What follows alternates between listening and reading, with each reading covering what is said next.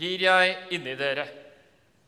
Jeg tar steinhjertet ut av kroppen deres og gir dere et kjøtthjerte i stedet. Jeg gir min ånd til dere og gjør at dere følger forskriftene mine, holder lovene mine og lever etter dem. Da skal dere få bo i det landet jeg ga fedrene deres. Dere skal være mitt folk, og jeg skal være deres Gud. Jeg befrir dere fra all urenhet. Slik lyder Herrens ord.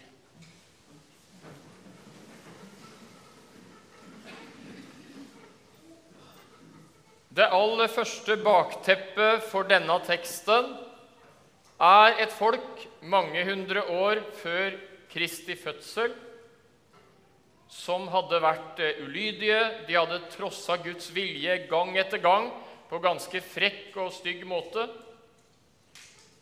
Og livet var blitt en ulykke.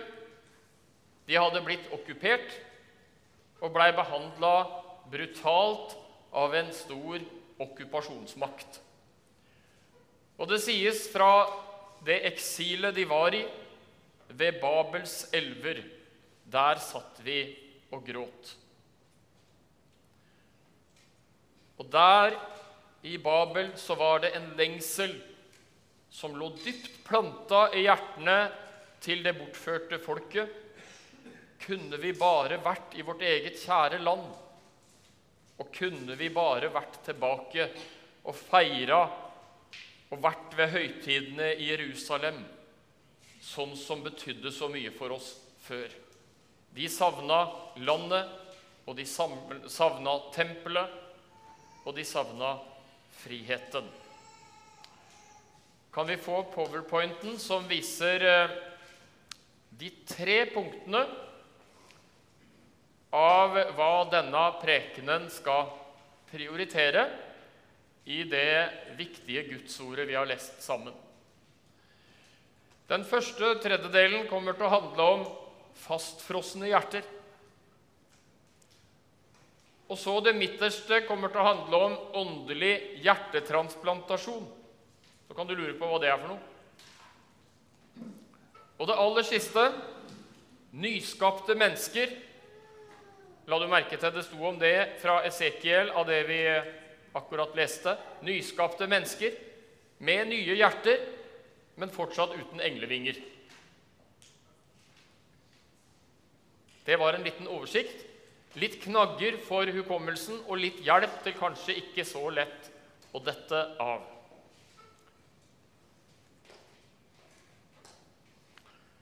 Fastfrosne hjerter. Har du erfaringer med det?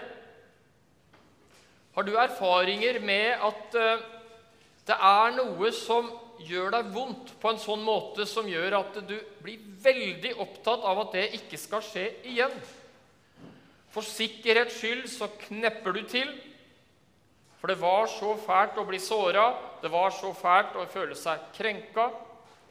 Og for sikkerhets skyld så holder du en god del mennesker på noen armlengders avstand. Og for sikkerhets skyld lar du være av å slippe fram åpenheten og spontaniteten og noe av det som ofte gir krydder og godhet i den menneskelige relasjonen. Du er så redd for å bli såra igjen at hjertet blir ganske steinaktig og fastfrosset. Og når det skjer f.eks. i et kollegium på jobben, så er det et fellesskap av mennesker hvor vi kunne spille hverandre gode, hvor vi kunne være med å trøste hverandre, være med å inspirere hverandre, være med å komplettere hverandre og begrense skadevirkningene av de dårlige sidene vi alle har. Men isteden blir det kanskje slitsomt, kaldt, overfladisk, mistenksomme blikk over skuldra og det greiene der som ingen egentlig ønsker skal være. Fastfrossede hjerter, kommunikasjon. Og kanskje sitter du her i kirken nå. Kanskje sitter du her nå og opplever at den, en av de relasjonene som er veldig viktig for deg, der er det de fastfrossede hjerter som rår. Ta det med inn i bønn nå. Det er veldig vondt når det er sånn. Og det er veldig slitsomt. Og det er forferdelig, forferdelig kreftetappende, det.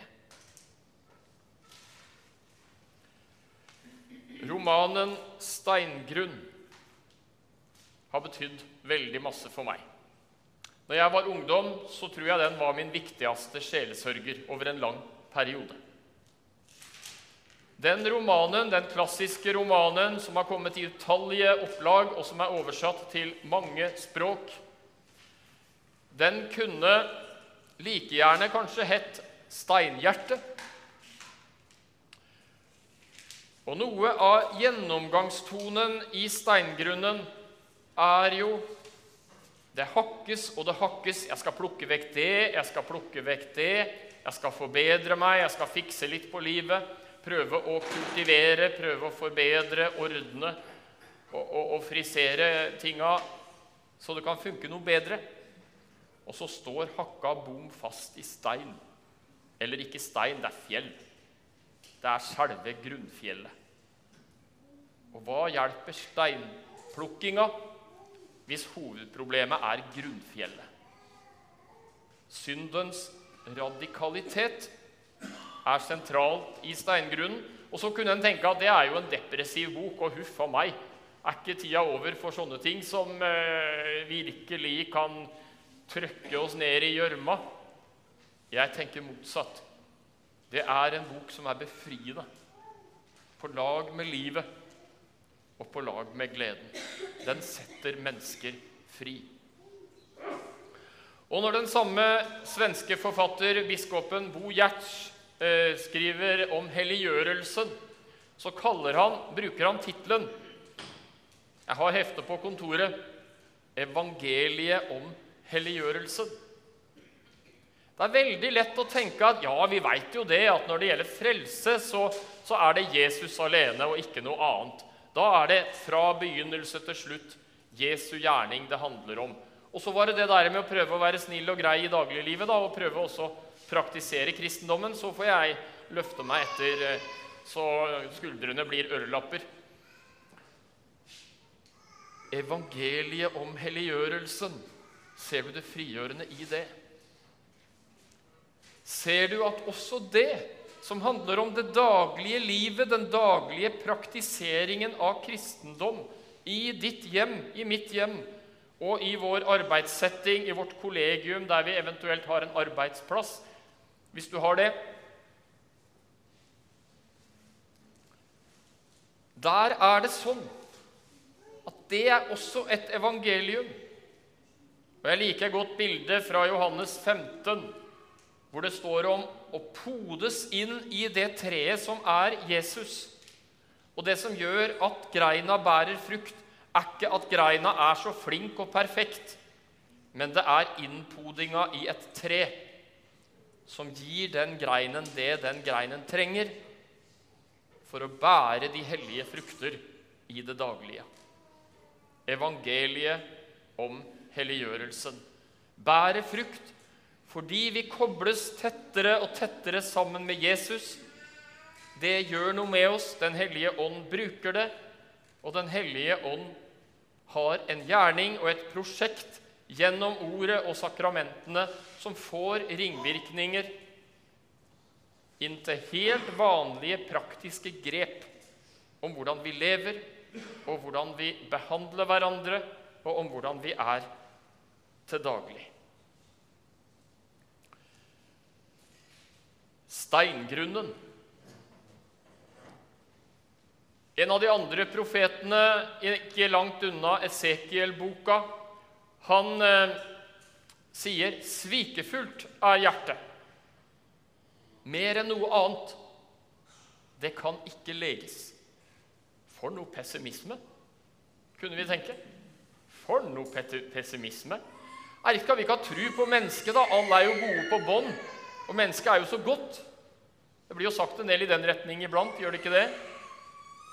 Humanismens til tider overoptimistiske tro på menneskets iboende godhet. Svikefullt av hjertet, sier Bibelen. Men forstå det rett, da. Svikefullt er hjertet. Og når Jesus skal eh, undervise om hjertet, så sier Jesus 'fra hjertet kommer' Og så nevner han masse grums. Mord, hor osv. osv. Det kommer fra hjertet. Sånn er hjertet mitt og ditt i utgangspunktet, lærer Bibelen med nøktern og ærlig realisme.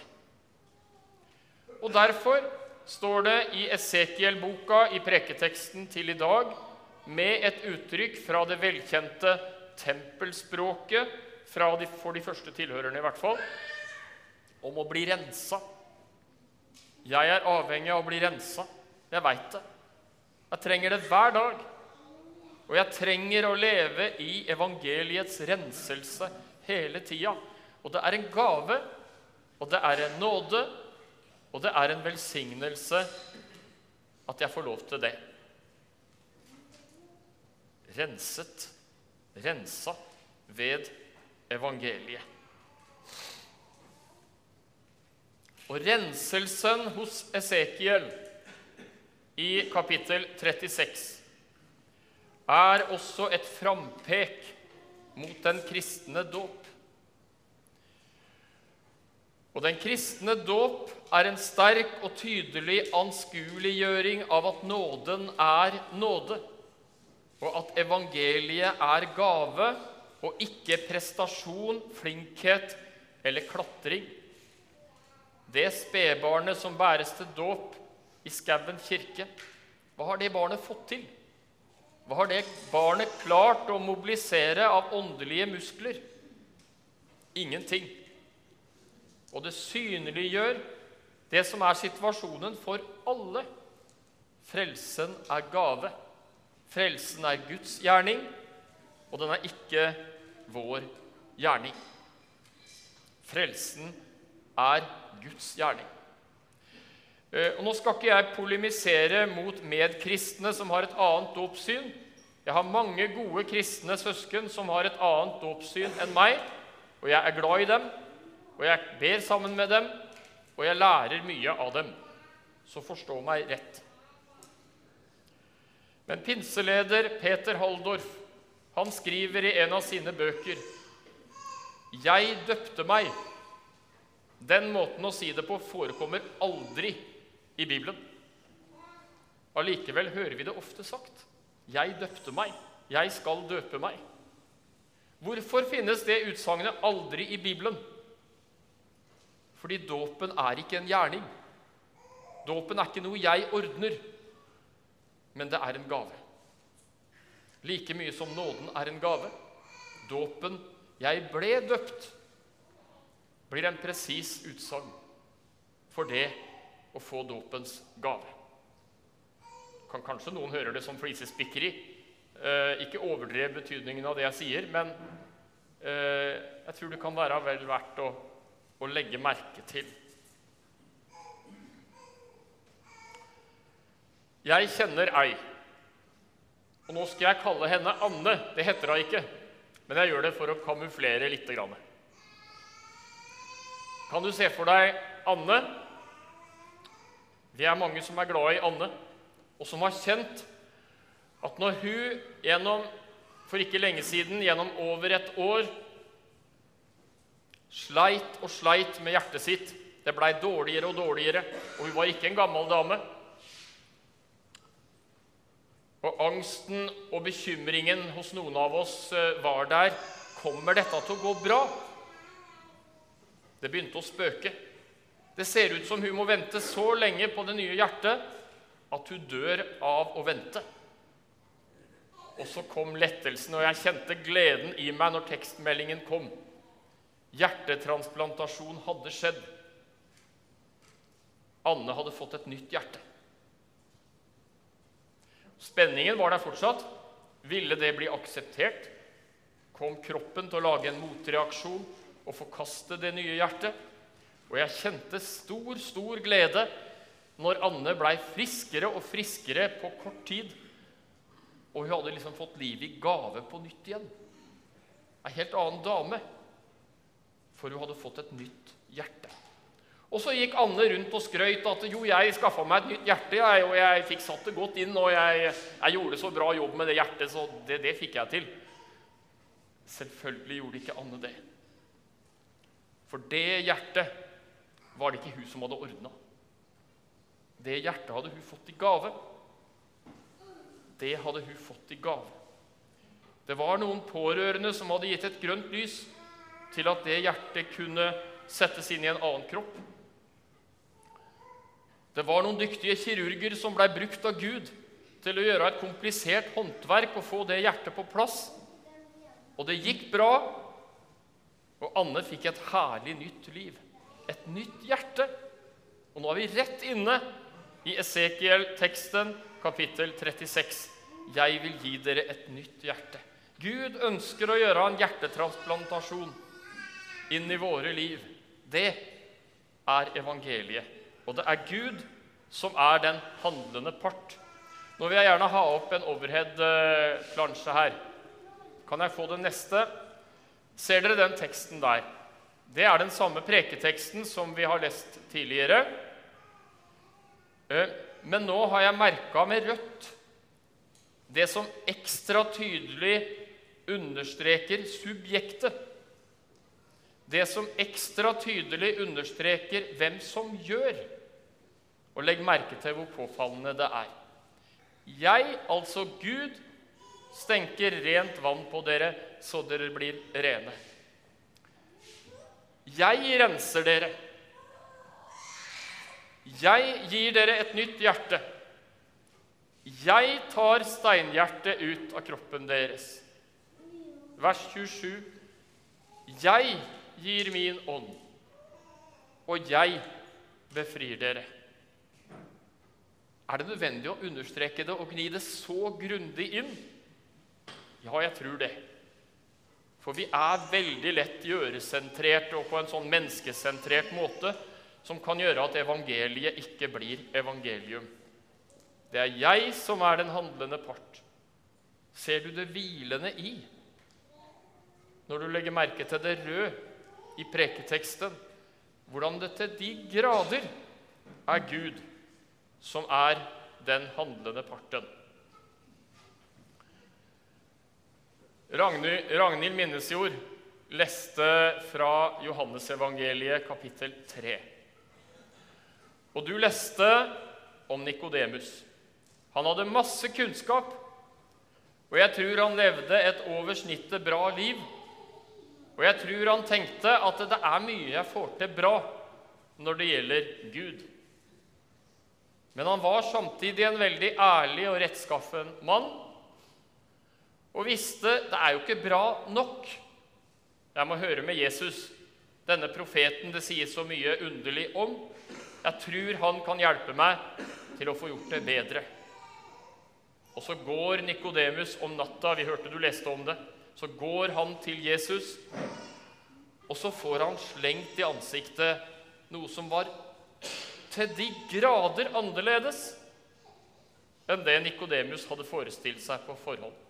Han sa ikke 'jo, du må be litt mer', 'du må være litt mer nøye når du eh, skal forberede andakten', 'du må gi litt mer til de fattige', 'du må være litt mer på vakt imot synder som du enkelte ganger eh, slipper til', Eh, for du må ta det enda nøyere hvis det skal bli orden på dette her. Men bra, du får til mye, og jeg skal fortsatt heie på deg, Nikodemus. Han hadde kanskje venta en sånn type forelesning, og isteden sier Jesus, 'Du må bli født på ny'. Sagt med andre ord du må rett og slett ha et nytt hjerte. Det hjertet du har, er ikke brukelig. Her må det skje en hjertetransplantasjon, Nikodemus. Hvordan kunne det skje? Da kommer Johannes 3, 16.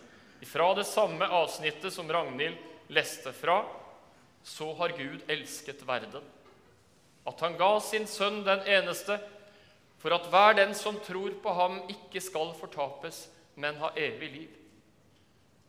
Her kan du nå som et barn eller en voksen Her kan du nå sitte og, og lytte, sitte og høre og sette inn navnet ditt. Så har Gud elsket meg, at han ga sin sønn den eneste. Så tar du navnet ditt for at jeg som tror på ham, ikke skal gå fortapt, men ha evig liv. Det er evangeliet. Og gjennom å høre det gjør Den hellige ånd den hjertetransplantasjon at det steinhjertet som det ikke nytter å forbedre, blir erstatta med et friskt og levende hjerte som pumper liv. Som pumper liv og friskhet. Og Guds herlige gaver inn i det som er deg. Hjertetransplantasjon, står det om i Esekiel 36. Og den natta rådsherren Nikodemus, den natta de to, hvor det utøves sjelesorg til en som trodde han kunne det meste, så minner eh, Jesus Nikodemus på en fortelling han kjente godt fra ørkenlivet. En kobberslange som var montert på en eller annen måte. De slangebitte israelitter som var dødsens skada, fikk ikke beskjed om å gjøre en eller annen besværlig gjerning for å prøve å få gifta vekk. Men de fikk beskjed om å se på kobberslangen, og så skulle alt ordne seg ved hjelp av det. Den fortellingen tar Jesus fram i sin sjelesorg med Nikodemus. For det er gjennom kobberslangen Kristus at Nikodemus kan få et nytt hjerte. Det veit Jesus. Og Derfor bruker han denne konkrete, anskuelige sjelesorgen fra den gamle pakt, og som viser blikket på Jesus. Det er sånn det skal skje. Det er sånn det kan skje. Og her du sitter nå, med ditt liv, med din tro, og med din tvil og med hele pakka som er deg. Han som er spesialist på hjertetransplantasjoner, han henvender seg til, dag, til deg nå med selve evangeliet. Jeg er kobberslangen. Vend blikket ditt til meg. Vend oppmerksomheten, sentrumet av din personlighet. Du skal få vende det til meg. La det få kretse om meg. Og la det få være det sentrale og få være det styrende i ditt liv. Sånn blir steinhjerter til kjøtthjerter i dag også. På samme måte som med Nikodemus den gangen. Sånn blir mennesker omvendt til Jesus' liv. Jeg skal fortelle noe jeg hørte for et par dager siden. Det var ei dame som har to elever på en av Delks barneskoler. Og denne mammaen hadde fått en annen mamma litt ekstra lagt på hjertet sitt. Og den andre mammaen som hun hadde fått lagt på hjertet sitt, visste nok veldig lite om Jesus og var nok ganske fremmed for det som handler om tro og kristendom. Og sakte, men sikkert så var det, og sånn jeg oppfatta det, uten taktikk eller baktanker, lagd en naturlig relasjon mellom de to småbarnsmammaene. Og så, i slutten av den uka vi har hatt nå, så hadde denne kristne mammaen tatt mot til seg. Og hun sa det til meg det kosta å dele noe personlig om sitt Jesus-liv med henne som visste lite om hva det var. Og hun hadde i det vitnesbyrdet vært så direkte at hun til og med hadde fletta inn 'Jesus lever'. Og Sånn jeg kjenner denne kvinnen, så tror jeg hun hadde sagt det med en begeistring og med en ekte glede. Jesus lever. Og så tror jeg hun kjente litt etterpå Var jeg for direkte? Blei dette tatt gærent? Har jeg ødelagt en relasjon? Har jeg knudra til noe som så ut til å gå så bra, for vi har jo blitt mer og mer glad i hverandre, mer og mer trygge på hverandre. Det har jo blitt bygd mange gode broer imellom oss. En eller to timer etter dette ganske åpne og dristige og ukamuflerte vitnesbyrdet om den levende Jesus, så kommer det inn en tekstmelding på mobilen til denne småbarnsmammaen. Den er varm, og den er takknemlig, og den viser helt, helt tydelig at dette vitnesbyrdet har falt i god jord. Og hun kjente lettelse og glede. Lettelse og glede. Nytt hjerte ved evangeliet. Jeg har fått et nytt hjerte. Det er Guds gave. Det er Guds forunderlige gave, som jeg har stor grunn til å takke for, og som jeg har stor grunn til å glede meg over. Og så kjenner jeg samtidig Hvorfor blir du ikke bedre enn det, Morten? Og jeg opplever konkrete episoder. Det kan være ting jeg sier, det kan være tanker og holdninger jeg oppdager hos meg sjøl. Henger du fortsatt såpass fast i den derre syndemyra? Det der var ikke spreke greier, Morten. I all verden, hvem er du? Og så merker jeg at som en kristen, og som en som har vært så heldig og fått være kristen lenge, så har det ikke kommet noen englevinger, beledelig talt. Jeg er rettferdig og tilgitt, men jammen er jeg også en synder. Det veit jeg, og de som kjenner meg best, veit det også veldig godt. Meget godt. Det er en tosidighet her. Og Da har jeg lyst til å slutte med å si det var et bønnemøte. Og det bønnemøtet var ikke i Skauen kirke, akkurat det bønnemøtet her, men det var i tempelet. Og det var to mannfolk som ba. Og den ene ba, 'Jeg takker deg, Gud, at jeg ikke har et sånt dårlig hjerte som folk flest ellers.'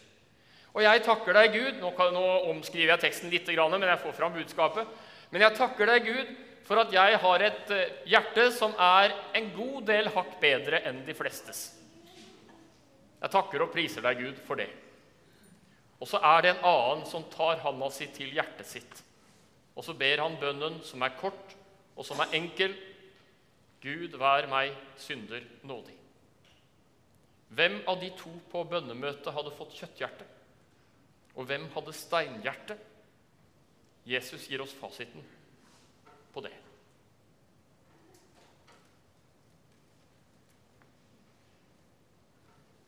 Jeg nynner ikke så sjelden på Odd eh, Dubland-sanger. Og en av dem som han synger en god del, er Jesus alene skal hjertet mitt eie. Jesus alene mitt hjerte skal bebo. Det vil jeg avslutte med helt til slutt. La det få være din bønn, og la det få være min bønn. At Jesus skal eie hjertet, og at han skal bebo det, at han skal danne det, og at han skal forme det. Han skjønner seg på sånt. Og han er god på, å, på den type åndelig hjernekirurgi. Det er ikke noe risiko å la han sette inn et nytt hjerte. Han vil det han som er kjærlighetens opphav og kilde. Herre, skap i meg et rent hjerte. Jeg ber det for meg, og jeg ber det for oss alle. Takk for at du vil det, og takk for at du gjør det ved din gode, hellige ånd. Amen.